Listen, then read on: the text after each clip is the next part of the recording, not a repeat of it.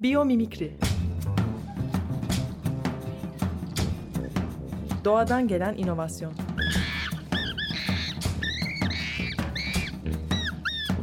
Hazırlayan ve sunan Zeynep Arhon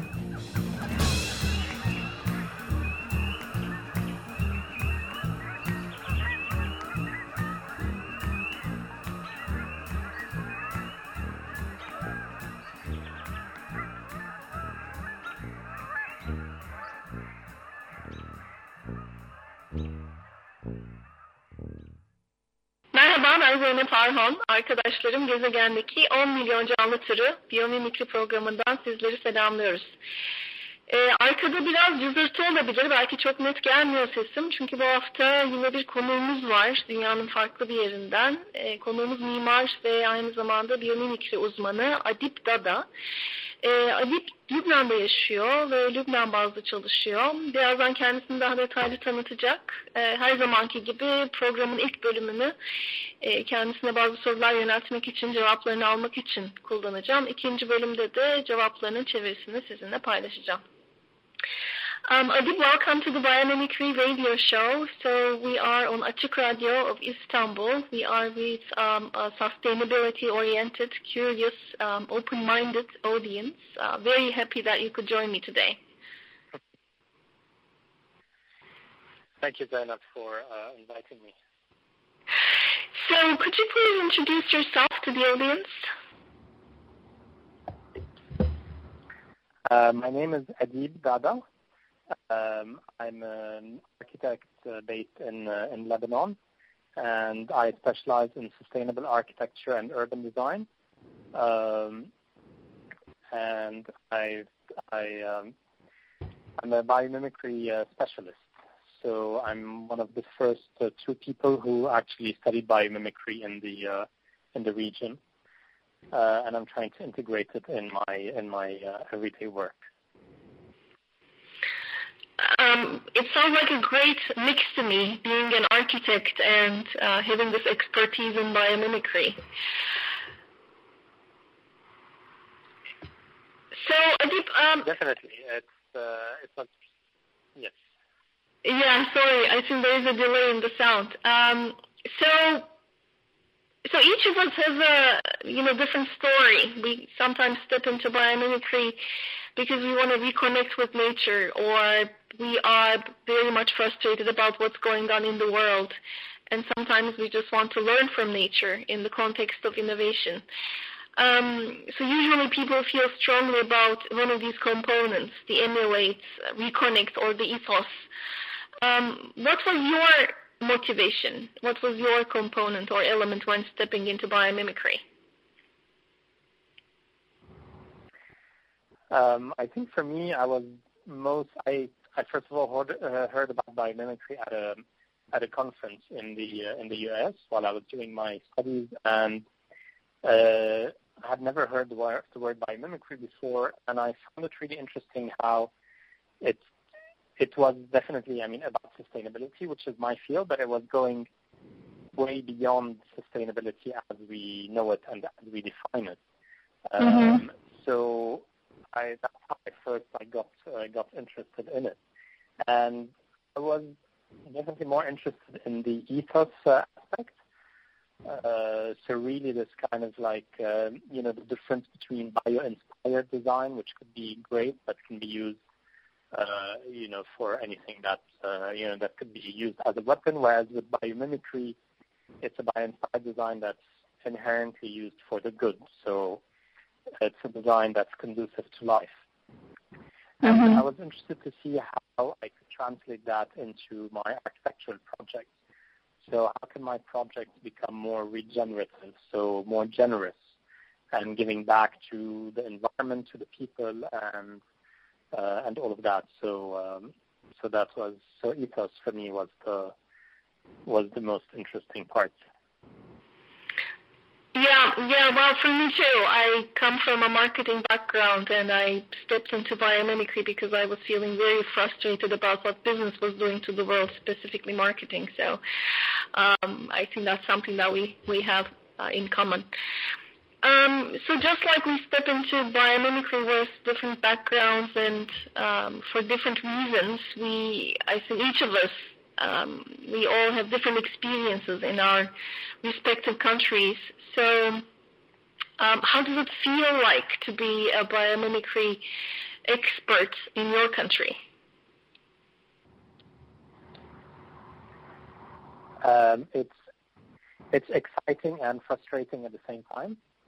It's exciting because uh, so my my my brother and I were the first people from Lebanon to actually uh, take the the biomimicry uh, uh, course. So uh, and now he's moved out of Lebanon, so I'm you know I'm here by myself. So okay. It's exciting to be the first at something, but at the same time, it's a bit frustrating that there's uh, not enough people to uh, to talk to in the same field. Uh, mm-hmm. And in order to advance the field, you know, there needs to be lots of discussions and things. So now I've learned that there are a few uh, a few people that have started their uh, courses. So a few people uh, in Lebanon that have just started their courses. So that's uh, exciting to see new people that will join the network. Uh, Great. Closer um, to where I'm based. Um, so yeah, we'll see how that goes. Great, great. So yeah, I mean, starting a network is a is a great opportunity, but of course you need people to do that, right? You need a tipping point. yes, it's. I mean, it's uh, every time we, you know, I give a, a conference or present uh, my work. You always have to explain what biomimicry is, and then people get very interested, but also very confused. And then it's uh, it's always you have to uh, lay the foundations uh, mm-hmm. and explain what biomimicry is every single time that you kind of talk about it. So, um, so yeah, I'm hoping that this will change soon enough and that it becomes part of the part of the common uh, knowledge. Right, right. Naturalizes in the culture. Yeah, yeah. So, um, so you stepped into biomimicry from the the ethos element, but I know that you are also actively practicing biomimicry in your profession. So did you complete any biomimicry related projects uh, recently or are you working on anything at the moment? Um, so me, I mean, for me, I believe that biomimicry is the science behind sustainability. So mm-hmm. using biomimicry, we can really push the sustainability, the sustainability industry and the discussion about sustainability forward. So away from just kind of very constricting things such as energy efficiency and water efficiency and uh, performance indexes to something that's much more holistic. So a more holistic, so we are using biomimicry in our projects by considering them on a more holistic level. So as an approach that places humans back as a species within our global ecosystem in harmony mm-hmm. with other living species and nature. So when we are designing for humans, we want that their spaces reflect that uh, same thing. So one way to put you know humans back into uh, harmony with nature is, is, to design spaces that enable uh, this connection to nature to happen again. So mm-hmm. designing spaces that uh, you know, maximize for daylight and views and uh, nature to infiltrate indoor. So not just nature is outside and we have our building and we are sitting looking at nature through a window, but really how can you, through architecture and interior design and even in urban planning, how can you make nature part of um, of our daily lives? Um, so one of the projects I mean, um, on every single project, that's the approach, uh, the approach that we have. Uh, so, which whatever project we're doing, whether designing the interior of an apartment or an architectural project, so with a bigger scope, we're always studying the ecosystem uh, of the place that we're building in and trying to identify the fauna and the flora and trying to see how our building or our project can can add to the existing ecosystem and how right. humans can, um, you know, how humans can can come into this uh, ecosystem that's already existing and not dis- not displace the ecosystem and or not destroy the ecosystem, but really fit uh, uh, more symbiotically with it. And of course, learning from the you know the genius of place. So the organisms that live in the in the context that we're building in, and seeing how these organisms can inform our uh, our design.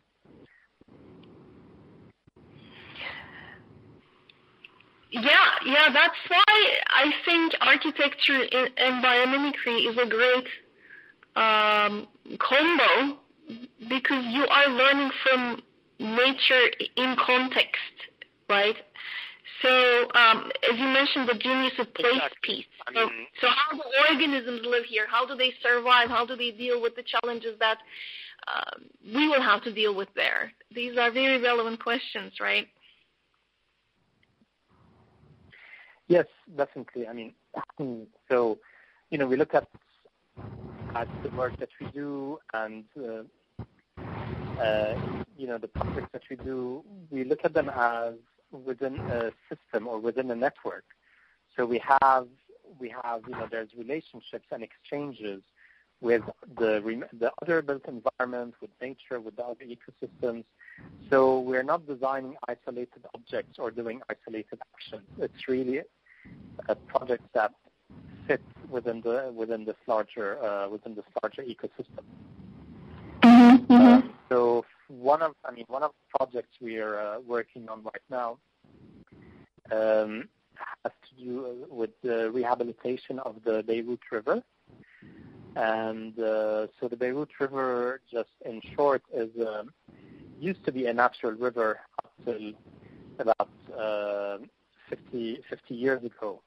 And that's when, with the increase in urbanization, uh, dams started being built, and then the river was encased in concrete. So with concrete mm-hmm. walls and a concrete bed, effectively killing the, the river and the river ecosystem. Um, so what we're looking at is how can we bring this river back to life, uh, knowing that we can't, given the local context where the city has expanded to the edges of the river, we cannot remove the river wall, we cannot remove the riverbed, we cannot uh, return the river to its natural state. So this is where biomimicry comes in and where we look at, uh, you know, we look at ecosystem services. So what does a healthy river give humans in terms of uh, services? Uh, mm-hmm. So it gives us supporting services such as supporting life for humans and animals and plants. It gives us regulating services, so regulating the water and air quality, regulating the flow of the water and nutrients. It gives us um, provisioning services, so providing fresh food and fresh water, and finally cultural services. So rivers are usually very culturally significant. Water is very culturally significant. And so these uh, people that would, I mean, it gives us the service of giving the communities a place where they can meet and they can uh, go for recreation, for swimming, for fishing. So mm-hmm, mm-hmm. our idea is that if we can, by doing interventions in the city, that fulfill, you know, two or three of these different ecosystem services. And if we create a network of these interventions throughout the city, then we're creating a network that will eventually uh, weave a web of life in these mm-hmm. So even though the river itself is not necessarily uh, uh, natural anymore, but if we're recreating those ecosystem services that it's used to provide the city within the city, then uh, that's one way for us to bring the river uh, back to life. Um, it's very interesting. Um, well, I mean, from a conceptual point of view, uh, it, it feels very strong because it almost sounds like you're setting the river free in a way, conceptually. Uh, although you're not taking down the walls, you are reconnecting it with people. And the notion of ecosystem services is something that um, we should really think about, right? Because we usually take these services for granted. Um, all of these services are free. But when we start um, putting money value on them, um, which is now the the one of the trends, right? Uh, in ecology, uh, people are valuing right. ecosystem services to understand what we are losing. it's such an enormous amount of value that we cannot replicate. yeah.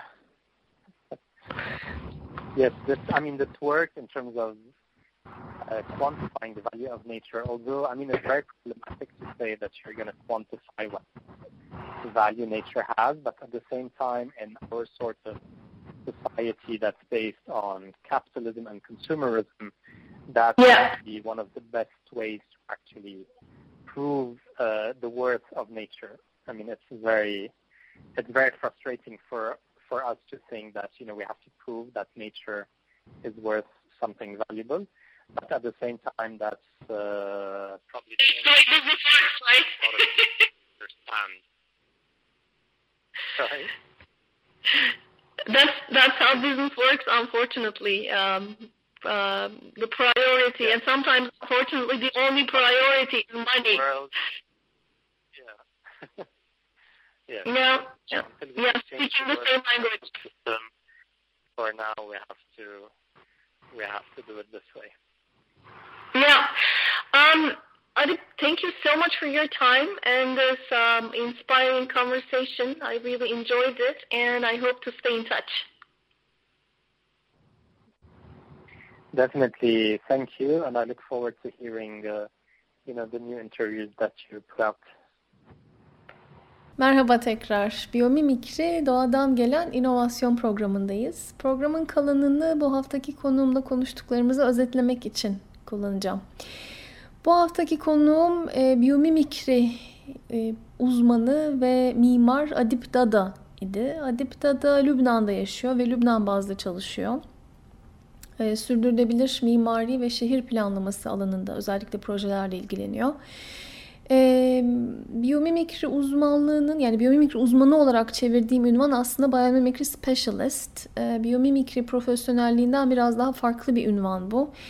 E, biyomimikri profesyoneli olmak için 2 yıllık master seviyesinde bir programdan mezun oluyorsunuz. Biyomimikri specialist ya da biyomimikri uzmanı olmak için daha kısa nispeten 8-9 aylık bir e, programı tamamlıyorsunuz. Ama biyomimikriyi çalışma alanınıza, kariyerinize entegre e, edecek seviyeye geliyorsunuz. Adipta'da da e, mimar dediğim gibi ve mimari alanında özellikle biyomimikri uyguluyor. Mimarlık ve biyomimikri bence mükemmel ikili. Çünkü e, biyomimikrinin en fazla uygulama örneğini dünyada da e, mimari alanda görüyoruz. Yani e, bir bir yapı tasarlarken, bir bina tasarlarken doğaya dönüp bakmak ve e, o noktada diğer canlı türleri, bitkiler, hayvanlar neyse e, insanın içinde yaşayacağı e, koşullarla nasıl baş ediyorlar, ne gibi fırsatları kullanıyorlar hayatta kalmak için e, rüzgarı, nemi, suyu e, nasıl verimli şekilde kullanıyorlar, kullanıyorlar, ısıyı nasıl yönetiyorlar? Yani bu soruları sormak yani bir binanın üstleneceği tüm fonksiyonları e, doğaya bakıp çözmek çok çok mantıklı. E, mimarlar da bunu yaygın e, yaygınlıkla yapıyorlar.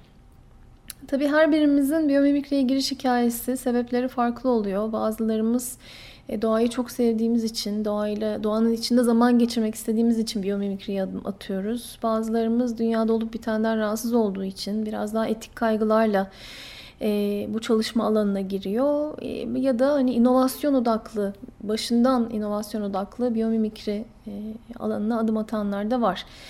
E, Adib e, kendi motivasyonunu sorduğumda öncelikle biyomimikriyi nasıl duyduğunu anlattı. Birleşik Devletler'de bir konferansta duymuş ilk kez ve tabii sürdürülebilir gelişimle ilgili olduğu için e, ilgisini çekmiş. Ama onu motive eden ve e, yani sürdürülebilir gelişim derken işte inovasyon değil de ilk öğe en azından etik olmuş. E, yani projelerim doğa ve insanlar için nasıl değer yaratabilir? E, benim hayatta kalmamı sağlayan doğaya nasıl geri verebilirim? E, topluma nasıl geri, geri verebilirim sorularıyla e, motive olmuş ve o şekilde biyomimikriyi e, öğrenmeye başlamış. E, motivasyonlar farklı olduğu gibi tabii Tabii çalıştığımız ülkelerdeki deneyimlerimiz de farklı oluyor. E, Lübnan'da biyomimikri alanında çalışmak nasıl bir deneyim diye sorduğumda heyecan verici ve aynı zamanda sinir bozucu olduğunu söyledi.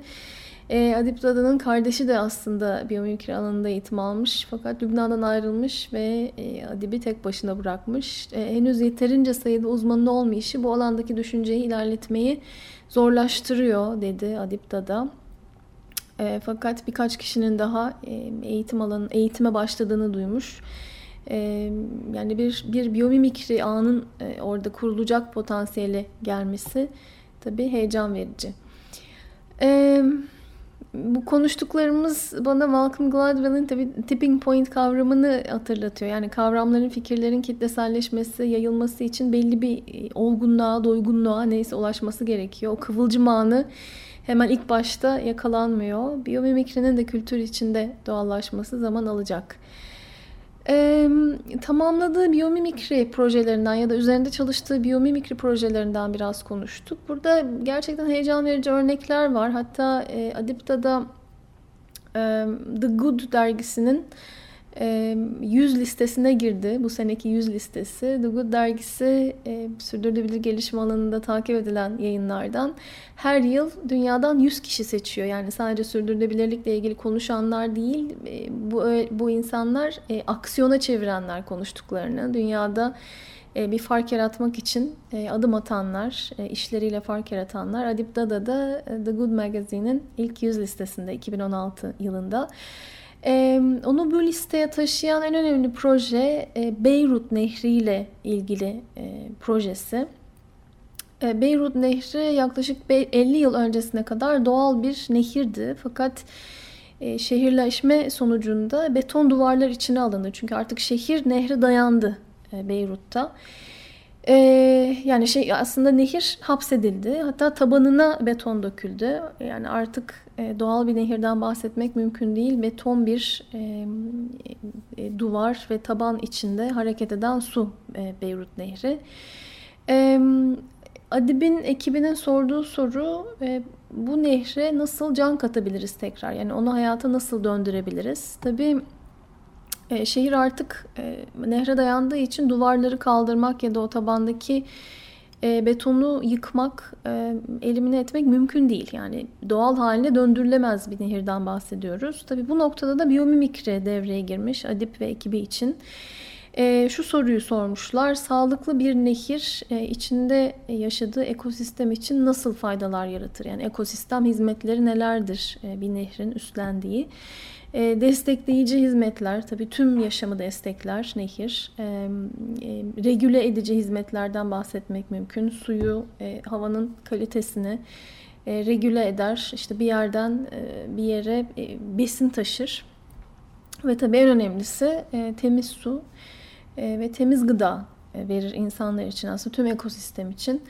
E, kültürel implikasyonları da var, kültürel hizmetleri de var nehrin. Çünkü nehir kültür için yani içinde olduğu toplum için de önemlidir. Su önemlidir çünkü kültürde ve nehirler toplanma yerleridir insanlar için. E, nehre müdahale etmek artık mümkün değil fakat e, Adip ve ekibi şehre müdahale ederek e, birkaç noktadan müdahale ederek en azından bu saydığımız hizmetlerin 2-3 tanesini geriye döndürmek üzerine çalışıyor ve o müdahale noktalarını birbirine bağlarsak aslında bir yaşam ağı e, yaratacağız diyor Adip. Bu da çok çok e, güzel bir düşünce. E, kavramsal olarak aslında nehri özgür bırakmaktan bahsediyorlar. Yani tam anlamıyla özgürleştirmek mümkün değil artık ama kavramsal olarak özgür bırakmak ve ekosistemlerinin bazılarını geri getirmek. E, ekosistem hizmetleri tabii hepsi bedava olduğu için yani doğaya e, ve etrafımızdaki canlılara hiçbir şey ödemediğimiz için e, sağladıklarının değerinin farkında değiliz. E, ekoloji içindeki trendlerden bir tanesi de değer biçmek yani doğaya değer biçmek. Ve tabii sürdürülebilir gelişim alan, alanında çalışan bazılarımız için bu çok e, rahatsız edici bir kavram. Yani e, parçası olduğumuz yaşama nasıl değer biçeriz ya? Yani biz o, o olmadan, doğa olmadan zaten hayatta kalamayız ki. Çok basit değil mi? Ama e, kapitalizm, tüketim kültürü ne dersek diyelim işte finansal, ekonomik ve iş sistemleri e, değer biçerek çalışıyor. Yani değer biçerek karar veriyor. E, bu noktada da doğaya değer vermemiz, doğa, doğaya değer biçmek zorundayız ki hak ettiği değeri e, verelim maalesef. E, ve nehrin tabii sağladığı ekosistem hizmetlerinin değeri e, belirlendiğinde de ortaya çıkıyor ki aslında e, yerine konamaz değerler bunlar. Evet, biyomimikri doğadan gelen inovasyon programı için ayrılan sürenin bu haftada sonuna geldik. Programın bu bölümünde Lübnan'dan mimar ve biyomimikri uzmanı Adip Dada'yı konuk ettim. Umarım konuştuklarımız ilginizi çekmiştir. Tekrar buluşana dek doğayla kalın.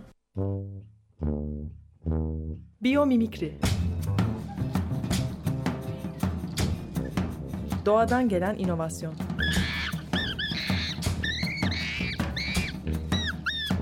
Hazırlayan ve sunan Zeynep Arhon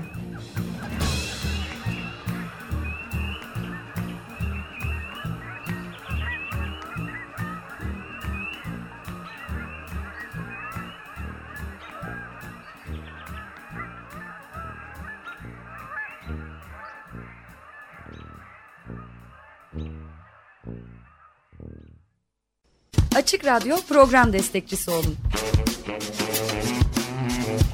Bir veya daha fazla programa destek olmak için 212 alan koduyla 343 41 41